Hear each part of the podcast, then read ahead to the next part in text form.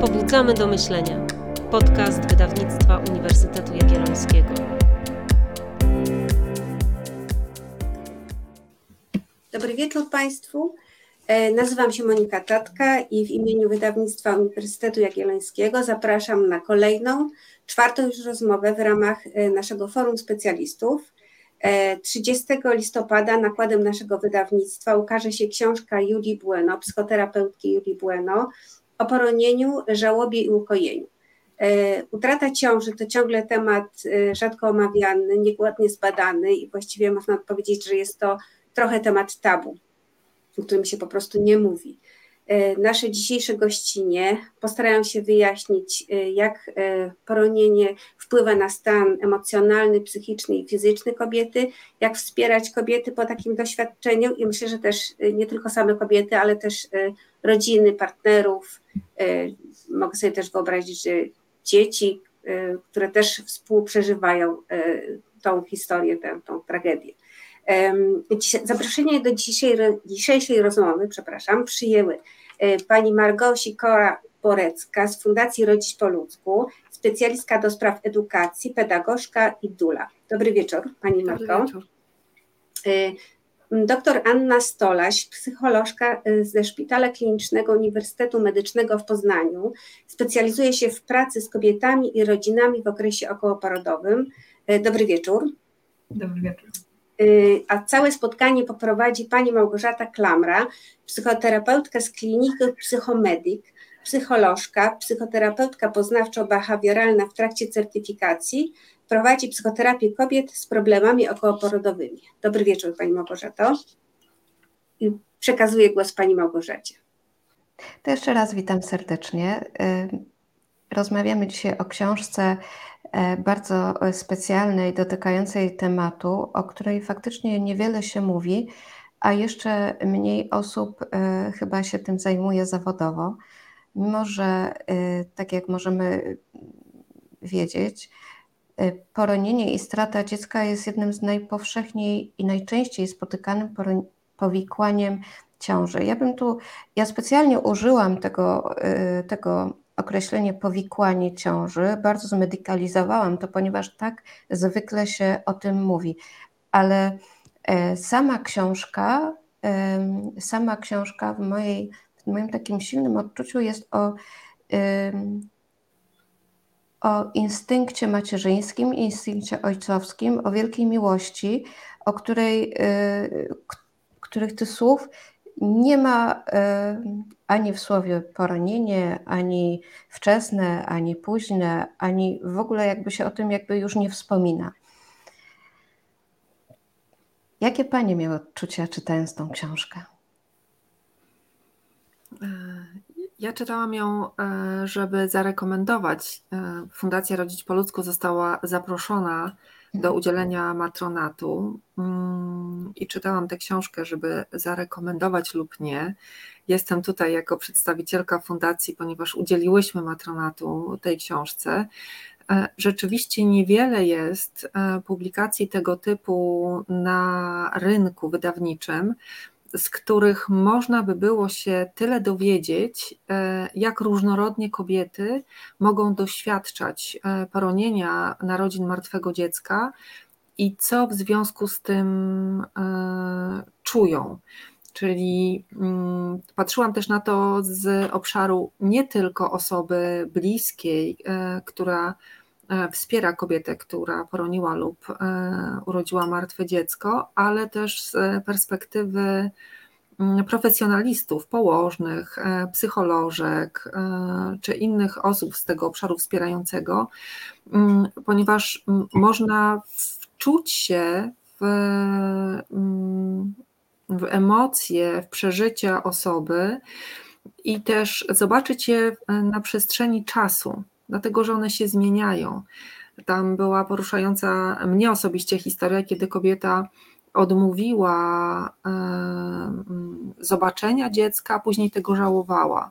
Albo chciała, mm, nie chciała czegoś, chciała coś zrobić, a później tego tego odmówiła sobie czy, czy bliskim.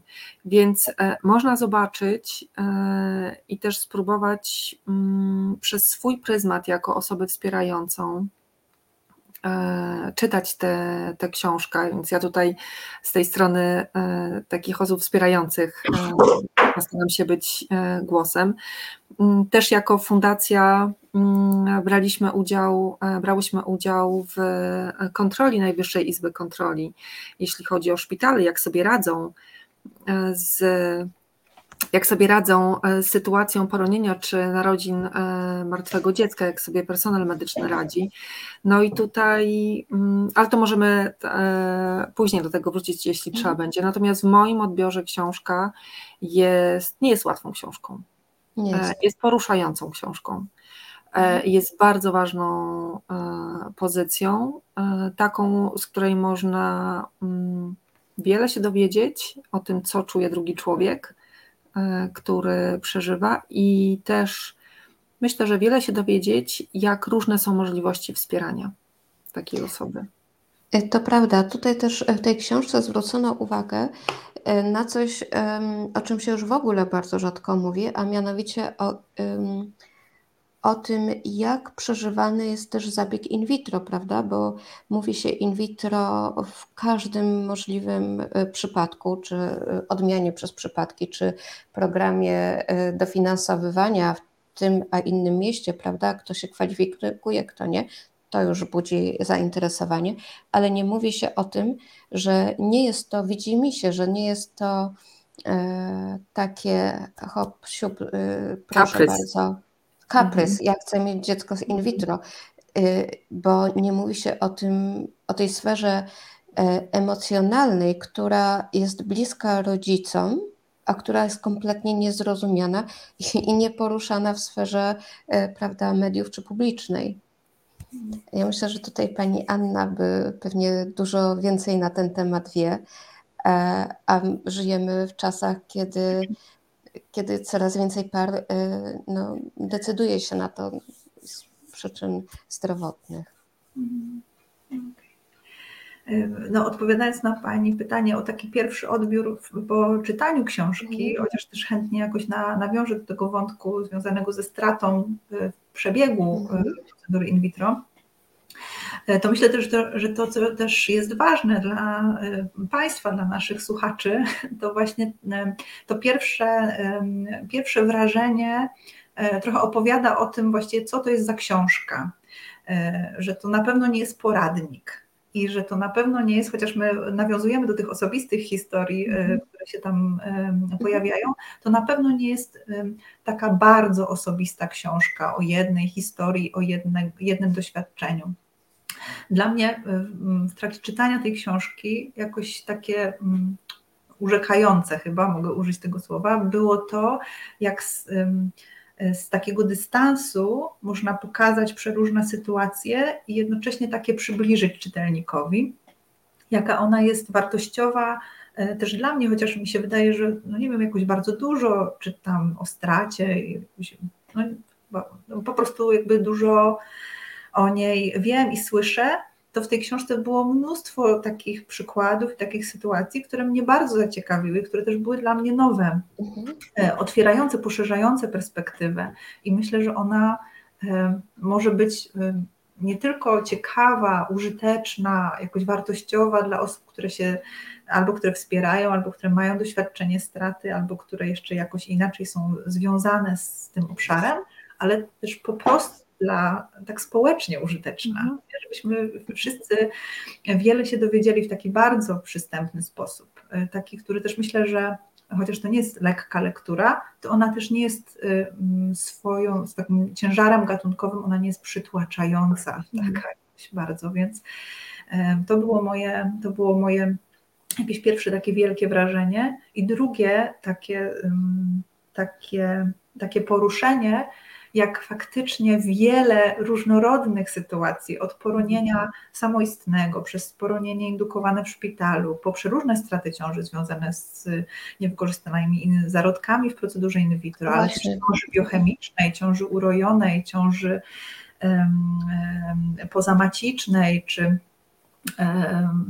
pustego jaja, no, że tych strat może tak. być po prostu bardzo dużo i że też te osoby, które towarzyszą tej kobiecie, to przecież są różne osoby i że to jest partner, mąż, partnerka i że w moim jakimś poczuciu hmm, chyba aż takiego szerokiego spojrzenia nie mieliśmy do tej pory nie. dostępnego w Polsce. Mhm. No, takie samo było moje odczucie. Siedziałam mhm. wieczorem i czytałam tą książkę i nagle dos- doszłam do wniosku, że mimo, że zajmuję się terapią pań, kobiet w ciąży i y, mimo, że te ciąże są no nie jest nieraz po prostu powikłane tak od początku, to y, jakby nie przyszło mi do głowy, ile właśnie jest y, niestety możliwości, o których nie myślimy.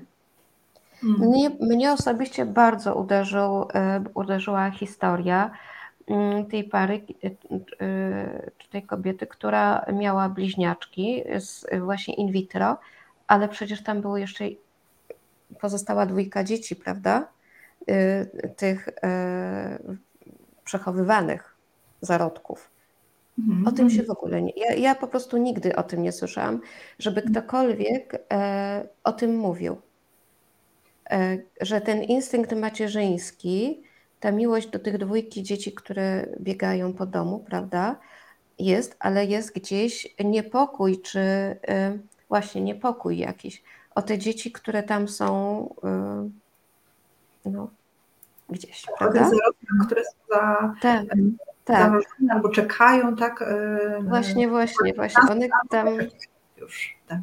Tak, to różnorodność tematów rzeczywiście i mm, przykładów.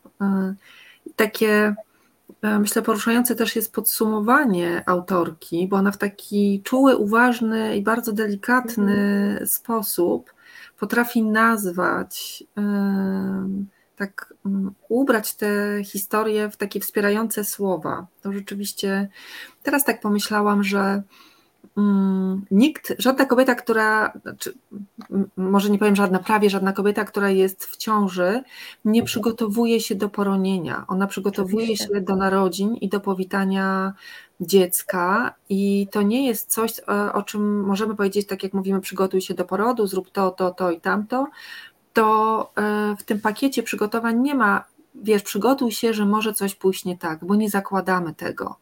Więc jak, um, no, no um, chyba, że to jest kobieta, która przeżywa nawykowe e, poronienia i tutaj w zasadzie, e, o ile się nie mylę, też jest ta historia takiej ostrożnej radości, czy nawet nieradości, mhm. albo czekania do któregoś momentu, czyli dużo tam jest lęku. Natomiast być może e, taka kobieta wie, czego może doświadczyć e, podczas poronienia zdecydowana większość kobiet czeka na, e, na dziecko, czeka na ten szczęśliwy mm, moment i jak duża jest odpowiedzialność osób, które są wokół takiej kobiety, e, mhm. jak duża jest odpowiedzialność e, nas, profesjonalistów, którzy pracują z kobietami w obszarze okołoporodowym, kiedy stykamy się z kobietą, która tego doświadcza, która doświadcza poronienia, która doświadcza narodzin martwego dziecka, ponieważ ona nie jest do tego przygotowana.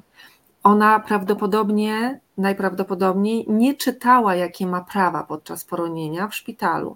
Ona nie wie, co ma spakować, idąc do poronienia. Ona nie wie, e, czego może się spodziewać.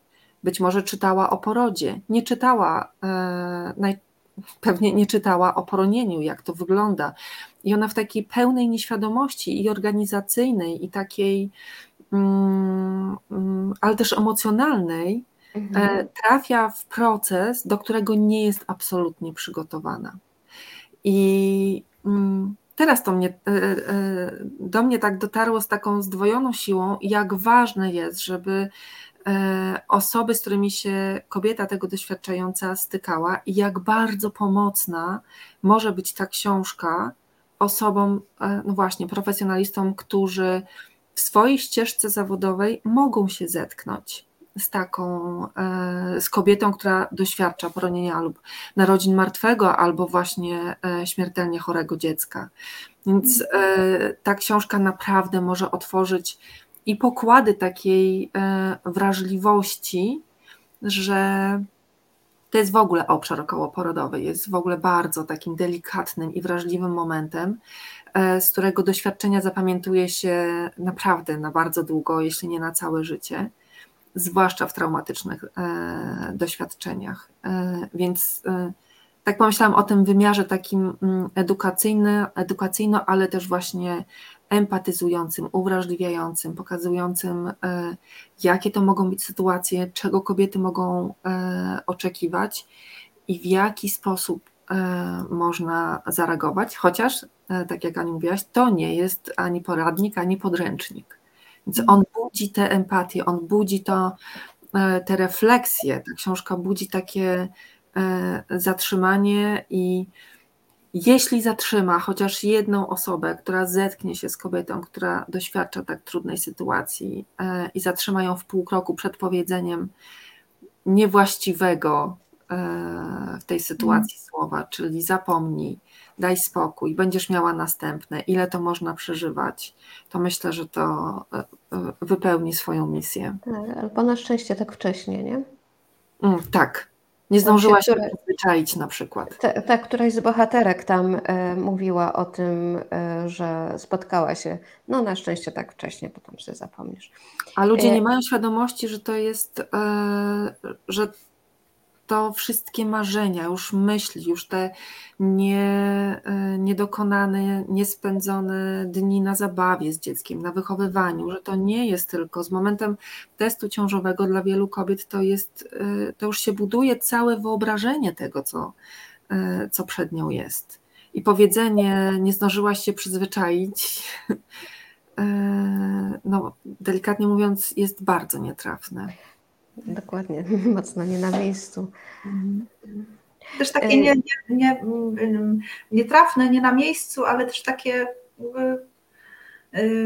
mija się z jakąś taką realnością tego, jak można naprawdę doświadczać ciąży nawet na bardzo wczesnym etapie, a co więcej, nawet doświadczać ciąży, której nie ma, w sensie takim nie jakiegoś urojonego stanu, tylko takiego jak jedno ze zdań w książce takie pada, mm, cytat inny, nie autorki, że jeśli myślisz, że jesteś w ciąży, a okazuje się, że nie jesteś, to co dzieje się z tym dzieckiem wyobrażonym, mhm, które tak. sobie wyobraziłaś? Mhm.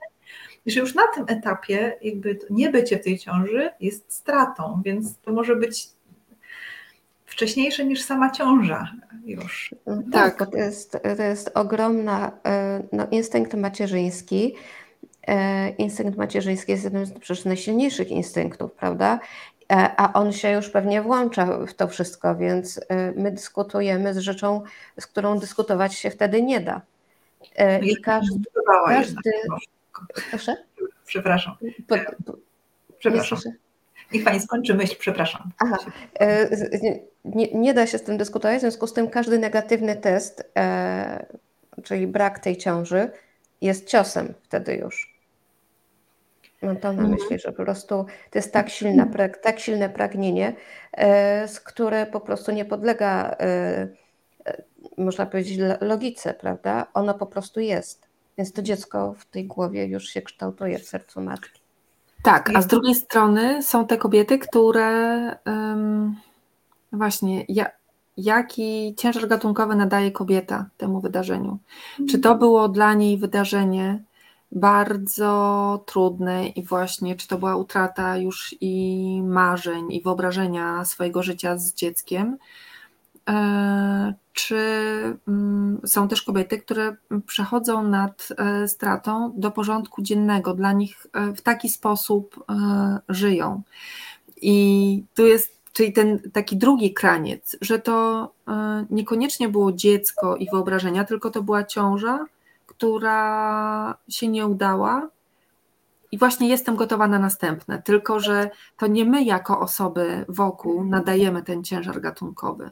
To my możemy tylko empatycznie i z wrażliwością sprawdzić, żeby mm, nie zmuszać jednej czy drugiej strony do przeżywania tego doświadczenia w sposób, jaki my sobie wyobrażamy, że powinna to mm, przeżywać Tak, bo tu by była takie, e, też jakoś uznaję, że to jest ważne, żeby to powiedzieć, bo my e, też myśląc o tej książce, taką optykę ustawiamy na poronienie jako stratę, jako doświadczenie ważne, Mhm. emocjonalne. Tam jest dużo o więzi, która jest wcześniej Mhm. się tworzy, dużo wyjaśnienia skąd jakby dlaczego tak się dzieje, jakie mogą być tego mechanizmy, co też kulturowo sprzyja temu, żeby ta więź się szybko nawiązywała. Nie? Na przykład o całej diagnostyce prenatalnej, to jak bardzo szybko możemy zobaczyć Mhm. wnętrze własnego brzucha, jeszcze nie czując ruchów ani właściwie niczego więcej.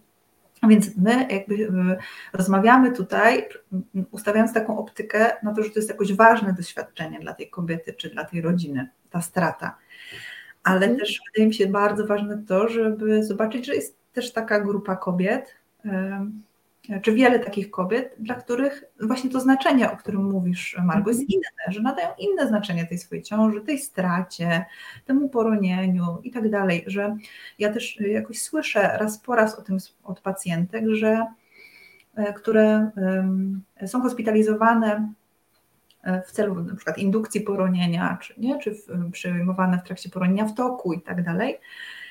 Różnych sytuacji, które mówią, znaczy nie dotyka mnie to na ten moment. Nie? To jest taka mhm.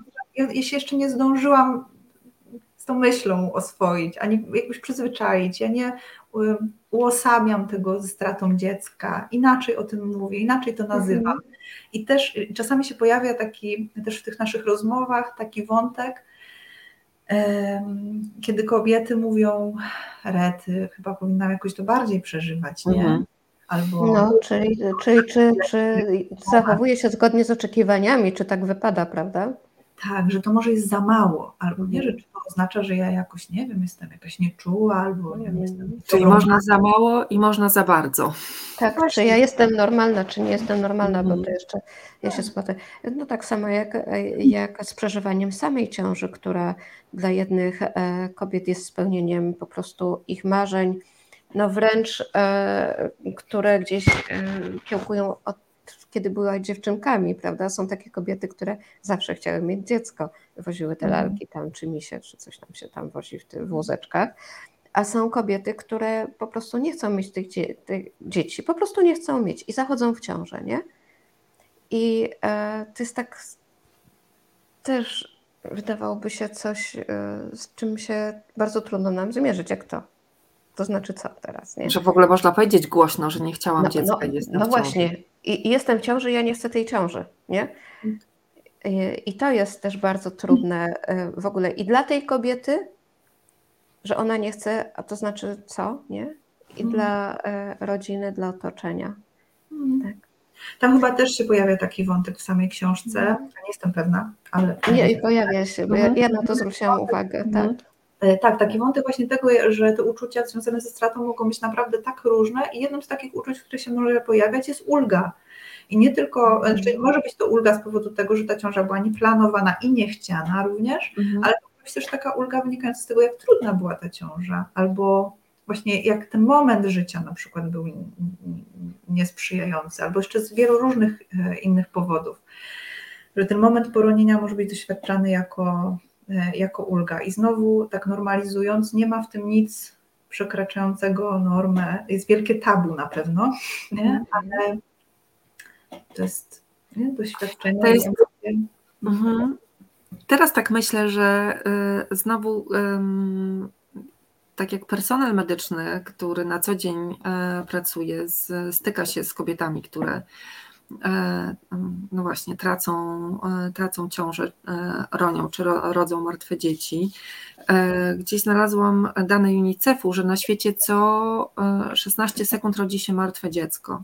Mhm. Czyli ile, mm, ile takich sytuacji przydarza się E, w szpitalach. I teraz, jeśli mówimy o kobietach e, z, z, tych różnych krańców, czyli taka, dla której to jest bardzo trudne doświadczenie i dla której to jest doświadczenie medyczne po prostu, nawet nie po prostu, to jest doświadczenie medyczne. I teraz, ile wrażliwości e, musi być po stronie e, personelu medycznego, czy w ogóle personelu e, w szpitalu, mm, żeby wyczuć w całej tej bieganinie w pracy, żeby wyczuć, z jaką osobą się stykam, w jaki sposób podawać te informacje, mm, które są dla mnie jako personelu znam i potrafię wyrecytować, natomiast w jaki sposób je podać, czy zostać dłużej, czy zostać krócej, dokumentacja do wypełnienia, cały ten bieg takiej pracy, a tutaj mm, komuś się być może zawalił świat. Mhm. Tak? I to, to, co w raporcie NIKU sprzed dwóch lat e, wyszło, to to, że mm, tam było zbadanych kilkadziesiąt e, polskich szpitali w kilku województwach. E, jak sobie personel medyczny w szpitalach radzi w sytuacjach poronienia? E, no raczej sobie nie radzi niż radzi. Nie ma procedur, nie, ma, nie są traktowane kobiety, które ronią inaczej, nawet nie, nie ma prób traktowania mm, inaczej. Wręcz nawet jest taki, ja myślę, że to jeden z symptomów wypalenia może być takie takie zniecierpliwienie, że ktoś może płakać, że ktoś może dopytywać, że ktoś może powiedzieć e, później, albo mhm. proszę to zrobić od razu. E, I e, z listów napływających do Fundacji Rodzić po ludzku cały czas dostajemy listy, ale w trakcie tej akcji było ich bardzo dużo. To główny, mm, główny żal kobiety miały, i to niezależnie z którego, z której, z której, z którego z której części e, były, e, z którego podejścia mm, do utraty, mm, to taka zła komunikacja i brak komunikacji, brak e, czy nawet informacji, czy takiego, już nawet nie mówię o empatycznym komunikacie, ale w ogóle o komunikowaniu się, że kobiety w takiej sytuacji są takim mm, złem koniecznym, tak wynikało z, z tych badań, z tej kontroli. Mhm. Jest to taka e, smutna prawda. Mam nadzieję, że poprawia się w, w oddziałach, ale z, z tych informacji, które dostajemy, mm, ta poprawa nie jest znacząca. Że więcej jest tych trudnych sytuacji e, niż takich mm, pozytywnych, które na szczęście też mają miejsce, kiedy kobiety wychodzą po trudnym doświadczeniu mm, ze szpitala, po zetknięciu się z personelem medycznym, w dobrym stanie, w takie w dobrym stanie takim psychicznym, niepogorszonym stanie mhm. psychicznym. Mhm. E, tam w tej książce jest też historia kobiety, która y, poszła mm, do szpitala z rozpoczynającym się poronieniem i tam dostała taki komunikat, to proszę iść do domu, a natura weźmie tam sprawy w swoje ręce. I e, tam jest właśnie obszerny, e, obszerna historia. Co to znaczy, że natura ma wziąć e, te sprawy w swoje ręce? To znaczy, i tak naprawdę kobieta została dobrze zaopatrzona, wypisana, wypis zrobiony, coś tam, ulotka nawet dostała chyba jakąś tam ulotkę. No więc teoretycznie odhaczyli, tylko że ten komunikat natura weźmie w swoje ręce był tak ogromnym błędem komunikacyjnym, bo zostawiał, zostawiał ogromne pole manewru dla, y, dla kolejnych niewiadomych, rodzących się niewiadomych. To znaczy, i tak jak ona tam pisze, bardzo mm, czy mówi, że to znaczy, co to będzie boleć, będzie krwawić, co, co, mhm. to znaczy, co ma, co ma się z nią dziać, jak długo też, prawda? Mhm. Więc jak bardzo trzeba precyzyjnie tą kobietę informować, co z nią się będzie działo, bo to nie jest y, kwestia nie wiem, przeziębienia, że będzie proszę iść do domu, będzie pani kicha. Nie, katar, e, mhm. to sobie pani coś tam weźmie, mhm. rutynę skorbin, czy nie wiem co. Mhm. E, no. Natomiast e, to jest bardzo poważna rzecz, bo i od strony emocjonalnej, psychicznej, ale od strony też fizycznej, medycznej, prawda? Kiedy wzywać pomoc, kiedy ta natura się jakoś nie wyrabia z tym, co ma robić, nie? Mhm. Więc, więc tutaj mówimy o, o szkoleniach z komunikacji, bardzo skrupulatnej komunikacji, jeżeli wypuszcza się kobietę w trakcie e, po prostu mm, poronienia. Prawda? No tu e, po tej kontroli e, były takie sygnały, że kobiety wychodząc ze szpitala dostawały ulotkę o karmieniu piersią na przykład, albo tak, się. Mhm. Więc taka no, nie, no nieuważność. My też teraz w fundacji przygotowujemy, dopracowujemy ulotkę o poronieniu, czyli czego kobieta może się spodziewać od strony prawnej, od strony medycznej, żeby to zebrać w jednej takiej, też jako pomoc personelowi medycznemu, że może nie ma czasu. Y, I z mojej perspektywy ja to rozumiem doskonale, ale z perspektywy osoby, która potrzebuje tego wsparcia i znajduje się w obcym i tak naprawdę zimnym i nieprzyjaznym jednak miejscu, żeby, zwłaszcza jeżeli to jest e, dla niej bardzo duże i trudne doświadczenie, Mm, to żeby wesprzeć tak naprawdę e, obie strony, bo e, to też często kobiety powtarzają. Ja nie rozumiałam połowy tego, co się do mnie mówi. Nawet jeżeli no ktoś chce dokładnie wytłumaczyć i ma ten czas i tłumaczy, to e, w takim szoku kobieta nie jest w stanie przyjąć połowy, jak nie więcej tych informacji. I jeśli one nie będą, e, no właśnie, zapisane, albo e, ktoś, kto, kto jest obok niej, to też jest ważne, żeby był ktoś obok niej, kto usłyszy więcej i będzie mógł przypomnieć w tym czasie, kiedy ona będzie gotowa tego wysłuchać. Tu jest tak dużo tych e, rzeczy, zresztą one są wszystkie opisane w tej książce, te najróżniejsze sytuacje i te, mhm. te myśli, które można by było zaznaczyć. Właśnie ja nie słyszałam, co się do mnie mówi, albo tak. czułam się źle, że, że płaczę, bo komuś jest źle z mojego powodu, tak? Albo czy to wypada, to powiedzieć, albo zapytać, albo czegoś nie chcę odmówić, czy ja mam być sama czy ja muszę siedzieć obok kobiety, która e, jest w ciąży, tak, i czeka na swoje dziecko? Ona słyszy KTG, ja już nie słyszę e, bicia serca mojego dziecka, więc tam mm, no ja, ja po prostu e, jak przeczytałam tylko tę książkę, to pomyślałam sobie, jak bardzo ją będę polecać ludziom, którzy pracują z kobietami w, w tym czasie, właśnie, żeby być przygotowanym, oby nigdy nie była potrzebna ale tak. E, jeśli e, na drodze będzie kobieta, która e, doświadcza w trudny dla niej sposób poronienia czy utraty dziecka, to myślę, że ta książka jest bardzo dobrym narzędziem uwrażliwiającym na, no właśnie na zadawanie pytań. Tam jest dużo takich przecież przykładów. To mhm. nie było pytanie na miejscu. Już od razu można sobie gdzieś tam z boku zanotować, że to nie jest trafne pytanie zawsze można powiedzieć przepraszam, albo nie wiem, jak mam powiedzieć. To też jest, nie wiem, jak się odzywać w takiej sytuacji. Czyli mhm. autentyczność jest tutaj e, byłaby najważniejsza. I to też, e, o tym też wspominają kobiety, że osoby, które no, były sobą, nawet w tej nieporadności, e, łatwiej jest przyjąć niż kogoś, kto próbuje forsować na siłę cokolwiek. A tutaj mm, myślę, że nie wszyscy jakby nie wiem, czy wszyscy, czy nie wszyscy będą mogli się zapoznać z tą książką, ale mogłybyśmy wykorzystać ten, e, tą okazję i gdyby Panie powiedziały, e, jak wspomóc taką kobietę, bo być może, że właśnie, nie daj Panie Boże, ktoś się pojawi wśród, e, w naszym otoczeniu, kto będzie takiej tragedii doznawał.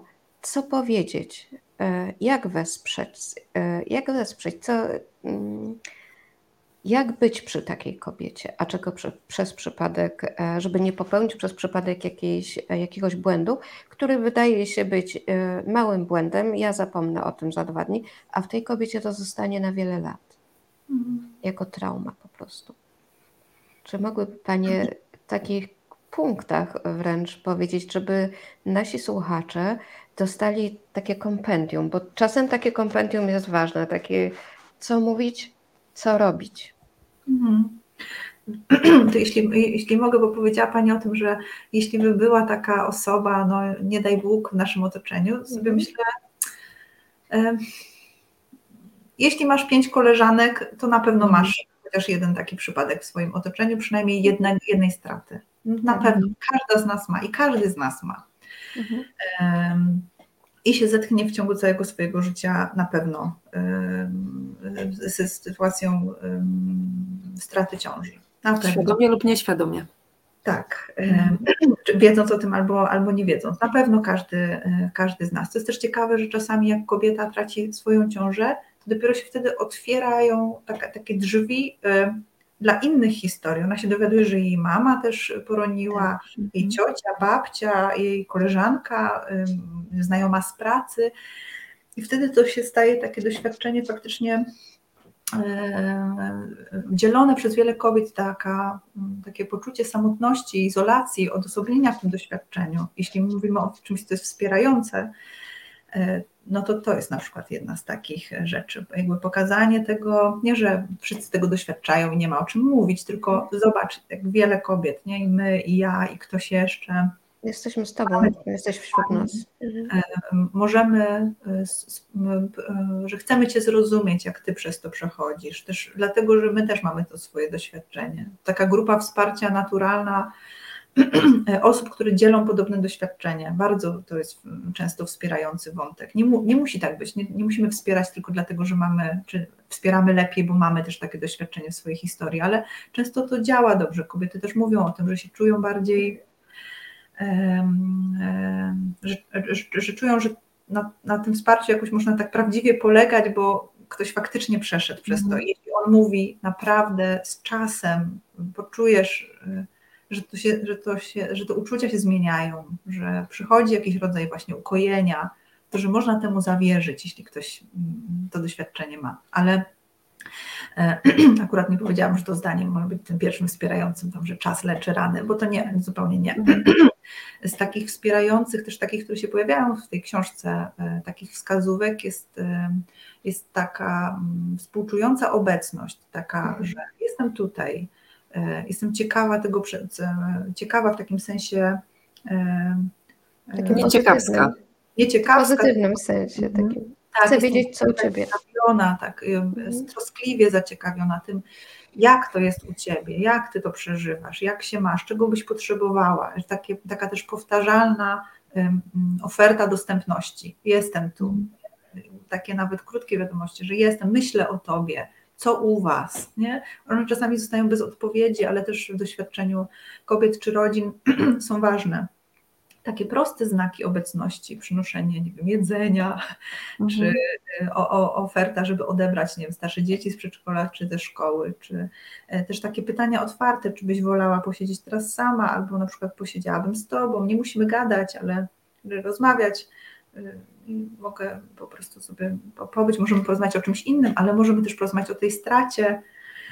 Takie, taka oferta dostępności mhm. i w tej mhm. ofercie dostępności też taka wspierająca praktyka, która e, właśnie dla tej grupy kobiet, o której mówimy, na, którą, o, o której się, o, na której się dzisiaj koncentrujemy, e, takiej, która przeżywa stratę ciąży jako stratę swojego dziecka, to taka um, propozycja rozmowy o tym dziecku. Mhm.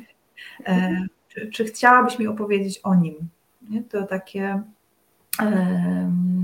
taki e, taka mm, propozycja, która e, zauważa też podmiotowość tego kogoś, kogo nikt nie zobaczył. Nie? A być może tak, taka dzieciątka. A może ona zobaczyła właśnie i nie ma takiej osoby, której mogłaby opowiedzieć o tym, kogo zobaczyła. Nie? I mm wtedy poczuła, co sobie myślała, jaki ma pomysł na upamiętnienie tej straty, albo jak chce, żeby pożegnanie następowało. To są takie otwartość na to, czego potrzebuje ta konkretna rodzina, bez podważania też tego. Nie? Też bez oczekiwania, że to ma związek e, właśnie z tą stratą, bo to mogą być te rzeczy, o których mówisz, takie bardzo praktyczne, w ogóle niezwiązane z siedzeniem, wspólnym płakaniem, poklepywaniem czy przykrywaniem kocyka. Mhm. Cały taki wachlarz, ale pierwsze, żeby to się w ogóle wydarzyło, to ta dostępność taka, nie? że jestem gotowa do rozmowy, myślę o tobie, jestem tu, wiem przez co się wydarzyło, jeśli masz ochotę, nie? I, i że to, żeby to było też w, w, czasie jakby rozciągnięte, nie tylko jeden raz, nie tylko jednego dnia, ale żeby ta dostępność była też pokazywana, o czym też kobiety mówią, że to jest takie jakby jednorazowe, a potem po tygodniu już wszystkim się wydaje, że już jest, jest już okay, Powinno tak? minąć. Tak, e, tak więc, e, więc ten, ten czas też taki jest, e, mam poczucie istotny. Jakoś myśl mi się urwała. Aha, z takich zupełnie właśnie operacyjnych rzeczy, to, to naprawdę mogą być takie rzeczy, które być może nam nie przychodzą do głowy, a mi bardzo jakby zapadają w, w pamięć po historiach pacjentek naszych, że na przykład w trakcie pobytu w szpitalu tej pary i straty ich dziecka, ich znajomi im y, węgiel do piwnicy przerzucili, żeby oni jakby, prowadzili. nie? I, I to było w sytuacji straty, to było bardzo wspierające. Nie? Albo, że właśnie ktoś przygotowuje rzeczy do pochówku. Dokładnie tak, jak ci rodzice tego chcą. Nie? Że ktoś może to zrobić, bo jest mobilny. Że to dwa trochę skrajne, mhm. ale może być od, odtąd dotąd tyle, tyle możliwości, co można zrobić dla tej rodziny. Ja jeszcze myślę, że tak jak powiedziałaś o tej parze, która jest w szpitalu, że można mm, przez, to jest trudne dla osoby, czyli dla partnera, który wspiera tak. kobietę w, w stracie, bo on też może być dla niej może być buforem, a jednocześnie no jednak takim kontenerem tych wszystkich emocji, tego wszystkiego, co się dzieje. I też można pomyśleć, wesprzeć ich oboje, czyli jeśli jest taka możliwość, nie wiem, posiłek e, przywieźć i zapytać przez SMS-a, e, jestem, no, czy napisać, jestem gotowa, gotowy do pomocy, powiedz mi, co zrobić, mhm. ale też nie dopytywać, co zrobić, bo ktoś w takiej trudnej sytuacji może w ogóle nie mieć głowy do zebrania myśli, żeby pomyśleć, co, co można zrobić. Więc jeżeli wiem, że mają tego zwierzaka, to powiem, to ja wyprowadzę waszego zwierzaka, tylko jak się dostać do niego, albo odbiorę wasze dziecko ze szkoły, albo no, jakieś takie, jeżeli znam ich, jeżeli przyjaźnię się z nimi, to mhm. wiem, e, co mniej więcej na co dzień robią, jakiego wsparcia mogą potrzebować. Czyli można zapytać, czy nie potrzebujecie, żeby to, to albo tamto. I wtedy to może być takie, a rzeczywiście zapomnieliśmy, że. Tak, tak, oczywiście, że tam kot jest, czy, czy coś. Tak. E, ja teraz, jak, e, jak Was słucham, to przypomniało mi się w filmie, mm, w serialu Seks w Wielkim Mieście wydawałoby się, że o modzie i szpilkach głównie, ale nieprawda. Tam był jeden z odcinków poświęcony, e, jak jedna z bohaterek właśnie e, doznała wczesnego poronienia. I już nie pamiętam, to strasznie dawno temu oglądałam. Nie wiem, czy któraś z Pań to widziała ten odcinek. Nie. A kojarzę wątek. Mhm. Ja bardzo chciała mieć dziecko, z mężem bardzo chcieli mieć dziecko, bardzo. No i zaszła w ciąży, po czym poroniła to dziecko i była y, pokazana jej rozpacz i wsparcie, jakie dostała od tych przyjaciółek.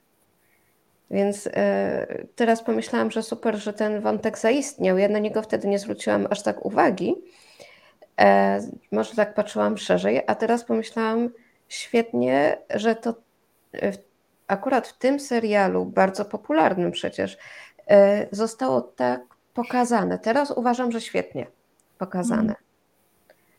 Także fajnie, bo to. Z, y, to była ta wspierająca obecność bez wspierająca narzucania. Obecność. Tak. Tak, mhm. tak, tak, mhm. tak. A z drugiej strony e, też e, ona tam chciała leżeć sama zamknięta w domu, ale one tam gdzie się wzięły. No, tak. Powiedziały, dobrze, dobrze, ale nie leżymy tak za bardzo, tylko proszę, tu idziemy, idziesz z nami. Mhm. No to jest bardzo dobre, aktywizacja, prawda? Zaktywizowały, gdzieś przekierowały to myślenie. Świetnie, że to zostało pokazane. I może faktycznie to gdzieś zaistniało też e, w świadomości, to jest tak myślę. E, tak? E, tak nabrałam powietrza, bo wciąż jeszcze sobie myślę o tym, e, jakie to może być różne doświadczenie. Właśnie, że jak chcemy wesprzeć, to że te kobiety mogą, nie, każda kobieta może trochę czegoś innego potrzebować. Mhm ale, ale też bez szaleństwa jakiegoś, nie? że to nie są jakieś mhm. skrajne zupełnie rzeczy, że musimy się obawiać, że w ogóle trafimy jak kulą w płot. Nie? Myślę, że zawsze warto mieć odrobinę odwagi i takiej gotowości, żeby próbować, no najwyżej właśnie korygować to, czy komunikować się inaczej, sprawdzać i tak dalej, ale um, um, chciałabym nawiązać do tego, co powiedziała Pani o tym instynkcie macierzyńskim. Mhm też przez pryzmat historii e, samej autorki, którą ona opisuje w swojej książce. Mhm. I że e, e, ja bym jednak dyskutowała mocno z tym instynktem, jako z czymś, co nie istnieje. Nie? Z tym, mhm. że nie, nie istnieje coś takiego jak instynkt macierzyński, czyli taka wrodzona dyspozycja kobiety do tego, żeby reagować w określony sposób, żeby wiedzieć, co ma robić, żeby przeżywać Jakoś. swoją kobiecość jako, mm, mhm. gdzie bycie matką jest y, jakimś elementem takim, żeby y, wie, wiedzieć, co robić, jak się zachowywać w ciąży czy w trakcie Mhm. opieki nad dzieckiem. No nie mamy żadnych dowodów, żeby cokolwiek takiego ist- istniało i też w tej książce y, to nam się pokazuje, ponieważ autorka, która jest y, psychoterapeutką, która się zajmuje poronieniami, która pracuje z osobami po stracie, zna tych historii ogromnie dużo. Sama ma to doświadczenie i w trakcie tego doświadczenia opisuje e, poród przedwczesny dwóch swoich martwych bliźniaczek i ona mówi, w ogóle nie chciałam ich widzieć, nie chciałam na nie patrzeć, nie mieściło mi się to w głowie na ten moment. E, W ogóle chciałam, żeby to się skończyło, nie? Byśmy powiedzieli, nie? ale no nie ma instynktu ta kobieta, nie? No ale na Mhm. szczęście możemy tak nie powiedzieć, ponieważ nie, nie zakładamy, że, że coś takiego Tak. istnieje. Ona pokazuje, że tak, na tamten moment zupełnie czegoś innego potrzebowała, niż byśmy sobie wyobrażali, że może Że powinna tak, jakoś. Tak. Mhm. swoje dzieci. Nie? Ona mówi, Mhm. no absolutnie, w ogóle inaczej, inaczej potrzebowała. Myślę, że to jest w ogóle bardzo cenny przykład, jak ona przez lata, nie, tam 5, 10, 15, 20, zmienia się jej e, stosunek do tej straty, e, wyobrażenie, jej gotowość do jakoś do, no nie wiem, do wspominania, do upamiętniania chociażby. Bardzo to jest takie mm, jakoś dużo otuchy dla mnie niesie, dla Tak. różnego przeżywania tej sytuacji. Myślę jeszcze, że ym, tak jak mówimy, jak co, co mówić, jak wspierać i właśnie na tym przykładzie takiej zmiany, że naprawdę w perspektywie czasu bardzo różnie można o tym mówić, myśleć, czuć, że to się może zmieniać e, tak jak się zmieniamy jako ludzie, może się zmieniać u, e, u kobiety. I że myślę, że całkiem w porządku jest powiedzenie przez taką osobę, która jest obok, powiedzenie, wiesz co, ja mogę, e, od razu cię przepraszam, e, bo mogę palnąć głupstwo, nie wiem jak się, jakby nie wiem co mówić i e, jeśli będę, powiem coś głupiego, to e, wybacz mi, powiedz mi, że nie, żebym nie mówił, nie mówiła tak więcej, że to jest nie na miejscu, albo że jeśli będę gadać, a ty nie chcesz, żebym, to powiedz mi przestań, ja się nie obrażę, po prostu e, powiedz mi, ja chcę być e, w taki sposób, w jaki ty mnie potrzebujesz i możesz mnie czasem właśnie nakierować, że to nie jest wspierające, albo że to nie jest pomocne, albo mów mi więcej czegoś takiego, że jest całkiem w porządku powiedzieć, e, że jesteśmy nieporadni w tej sytuacji, ale że jesteśmy. Tak. Tutaj ten język taki bardzo ważny. Mhm. Też widzę, że tutaj się nam w, w komentarzu y, taki wątek właśnie dotyczący języka i nie, po- Mhm. pojawia, że to jest trudna sprawa. Właśnie też o, o czym mówisz, Margo, że po prostu mm, no powiedz mi, jak mam mówić, nie? I że Tak. czy co, co mam robić, właśnie, czy to jest ok, co robię, czy nie ok. Uzgadnianie tego też na poziomie języka.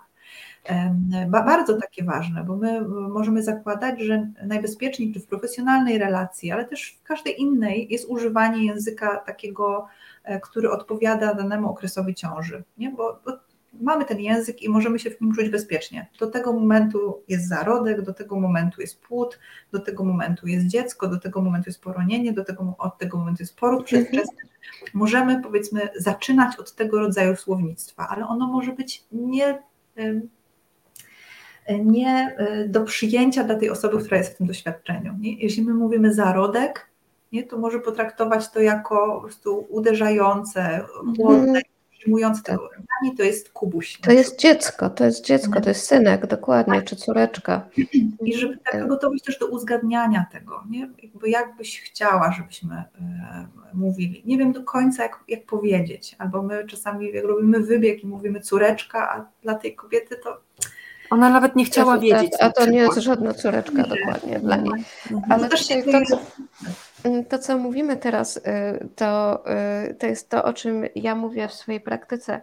Jak ważna jest komunikacja jak bardzo mało tej komunikacji się uczymy na wszystkich etapach, y, nie wiem, gdzieś dom, szkoła, gdzieś tam przedszkole, jak bardzo mało zwracamy uwagę na to, a jak bardzo ona jest istotna w tym momencie, wychodzi w czasie tej rozmowy, prawda?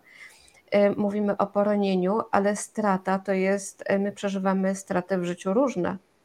I jak bardzo jesteśmy w tym wszystkim nieporadni, a to jest taki wyjątkowo szczególny przypadek. Ja mówiąc y, słowo instynkt, bardziej miałam takie, takie szersze pojęcie na uwadze, a mianowicie chęć, taka przemożna chęć tego dziecka, czy chęć, chęć znowu Mhm. nie wiem, czy powiedziałam, po prostu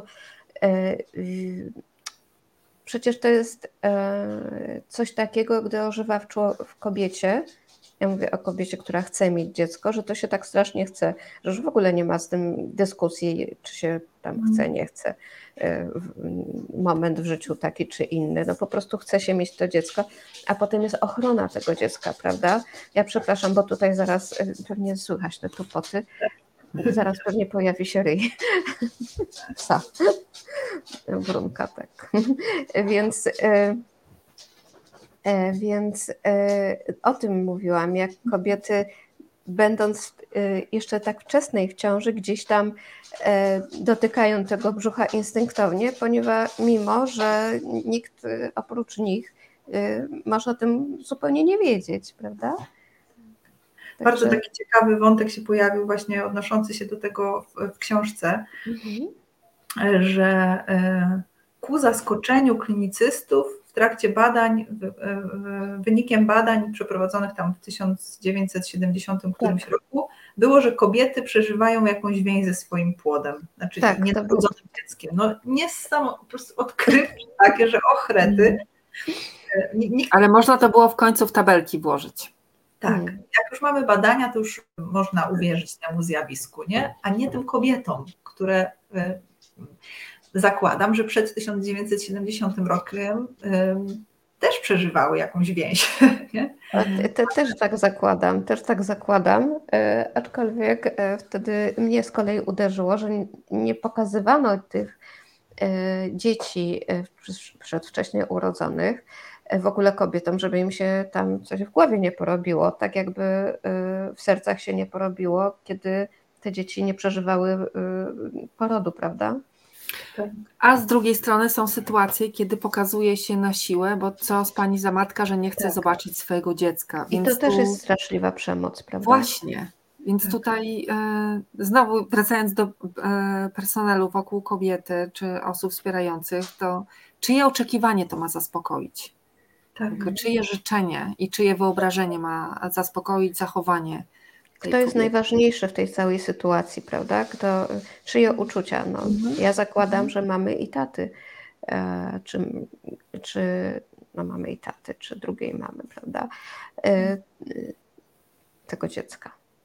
Mm, no właśnie. Oni też, też mogą różnie przeżywać. E, to też jest taki wątek rzadko poruszany, że naprawdę bardzo różnie mogą przeżywać e, rodzice, którzy czekają na to dziecko, no właśnie, po poronienie, czy, e, czy późne poronienie, czy narodziny martwego dziecka, że, że to też może być między nimi jakiś, Oczywiście. jakaś trudność w komunikowaniu się, że jedno z nich przeżywa e, to głębiej, albo zupełnie inaczej, czy przeżywają zupełnie inaczej. I teraz wspieranie takiej pary Mhm.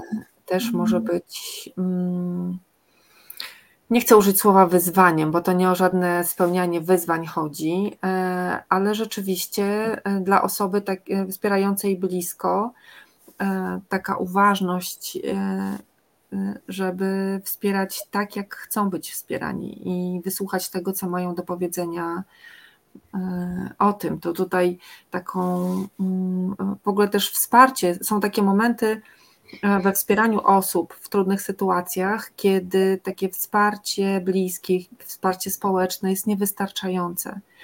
E, I wtedy poza tą kontynuacją, poza byciem, poza obecnością w ich życiu, można e, sugerować delikatnie lub bardziej wsparcie profesjonalne, że mm, obok tego wsparcia takiego E, społecznego można poprosić o wsparcie czy szukać wsparcia profesjonalnego, e, dobrze jest mieć namiary na e, psychologa, na terapeutę e, gdzieś pod ręką, ale też nie wyręczać się tym, bo to też jest takie łatwe, że ja sobie z tym nie poradzę, tu musi być specjalista, że nie, im więcej tych źródeł wsparcia, tym naprawdę łatwiej sobie poradzić z trudną sytuacją, bo w każdym tym źródle wsparcia mogę zostawić jakiś kawałek mojej, mojej historii, jeśli tego Mhm. potrzebuję.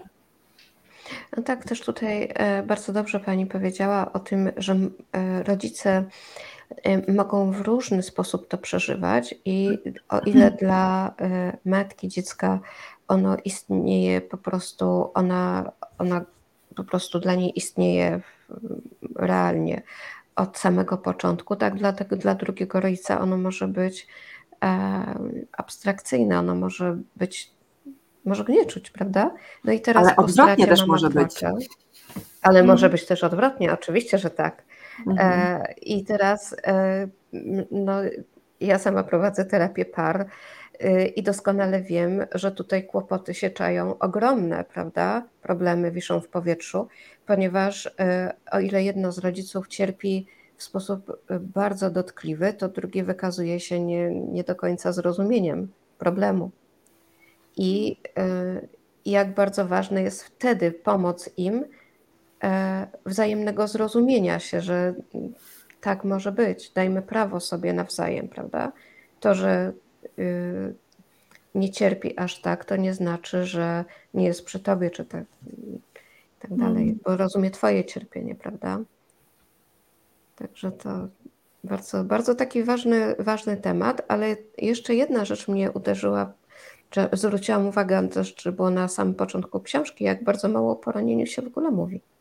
Tak jakby to poronienie było marginalnym, e, marginalnym przypadkiem w marginalnych chorobach. A to okazuje się, że jest bardzo częste, tylko jakoś się o tym nie wspomina, a przez to ludzie nie do końca wiedzą też, e, jak się zachować, prawda? Bo nie mają wyrobionego, wyrobionej empatii, pojęcia.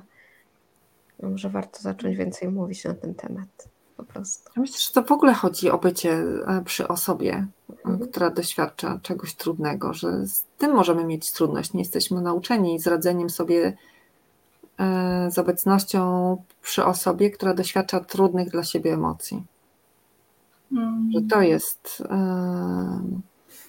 jakąś taką mam nadzieję w tym młodszym pokoleniu może, ale to nie jest coś, czego nie możemy się nauczyć. To, to na pewno. I tu ja naprawdę pokładam dużą nadzieję w tej książce, w takim uwrażliwianiu i w takim e, e, uczeniu obecności, bo to nie chodzi właśnie, żeby nauczyć się mówić jakieś określone komunikaty, albo robić jakieś określone rzeczy, albo wyuczyć się jakichś schematów postępowania, to aż by się chciało powiedzieć, żeby być przy tym człowieku po ludzku. Tak, tak, tak po, po ludzku. Dokładnie mhm. tak, zrozummy drugiego człowieka. No i też jest to książka e, taka, która dokładnie jest bardzo uniwersalna, ponieważ strata, e, strata dotyka, dotyka nas w życiu e, na różnych etapach i uczmy się być przy osobie cierpiącej, prawda? Nie bójmy się tego aż tak strasznie, nie uciekajmy. Przy niej i dla niej. Przy niej i dla niej. Mhm bo ludzie uciekają po prostu od tego ze strachu przed, sam, przed własnymi trudnymi emocjami, prawda? Nie chcą mhm. ich przeżywać. Myślą, że nie dadzą rady. To myślę, że ta książka może pełnić takie zadanie, żeby się bać trochę mniej. Mhm, dokładnie. Przeczytać bez celu, właśnie tak jak jakoś mm, powiedziałam na początku, że nie trzeba mieć celu edukacyjnego czy jakiegoś wspierającego, żeby ją czytać. Można ją przeczytać bez celu, to z, z ciekawości. Yy, dla przyjemności, nie dlatego, że ona jest taka łatwa i tak sobie można po prostu popłynąć, tylko tak jak się czyta literaturę, żeby otworzyć sobie drzwi do jakiegoś innego świata, zobaczyć mhm. jak jest. Mhm. I że ta książ tą książkę naprawdę y, myślę, że ze spokojem można w ten sposób przeczytać. Otworzyć sobie oczy, popatrzeć, jakie są niesamowite rzeczy na świecie.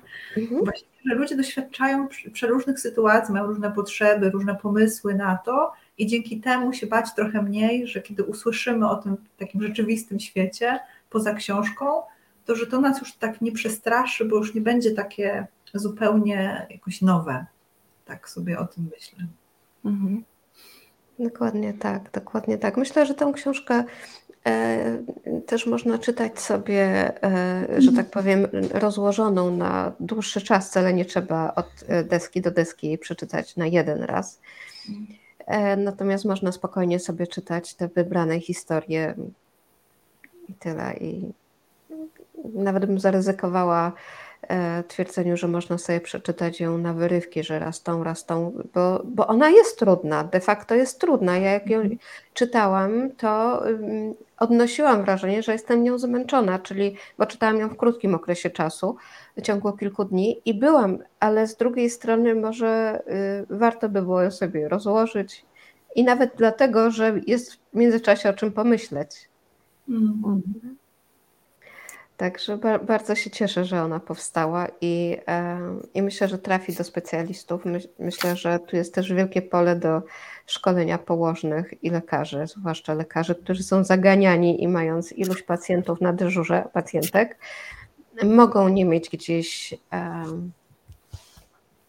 po prostu e, przestrzeni.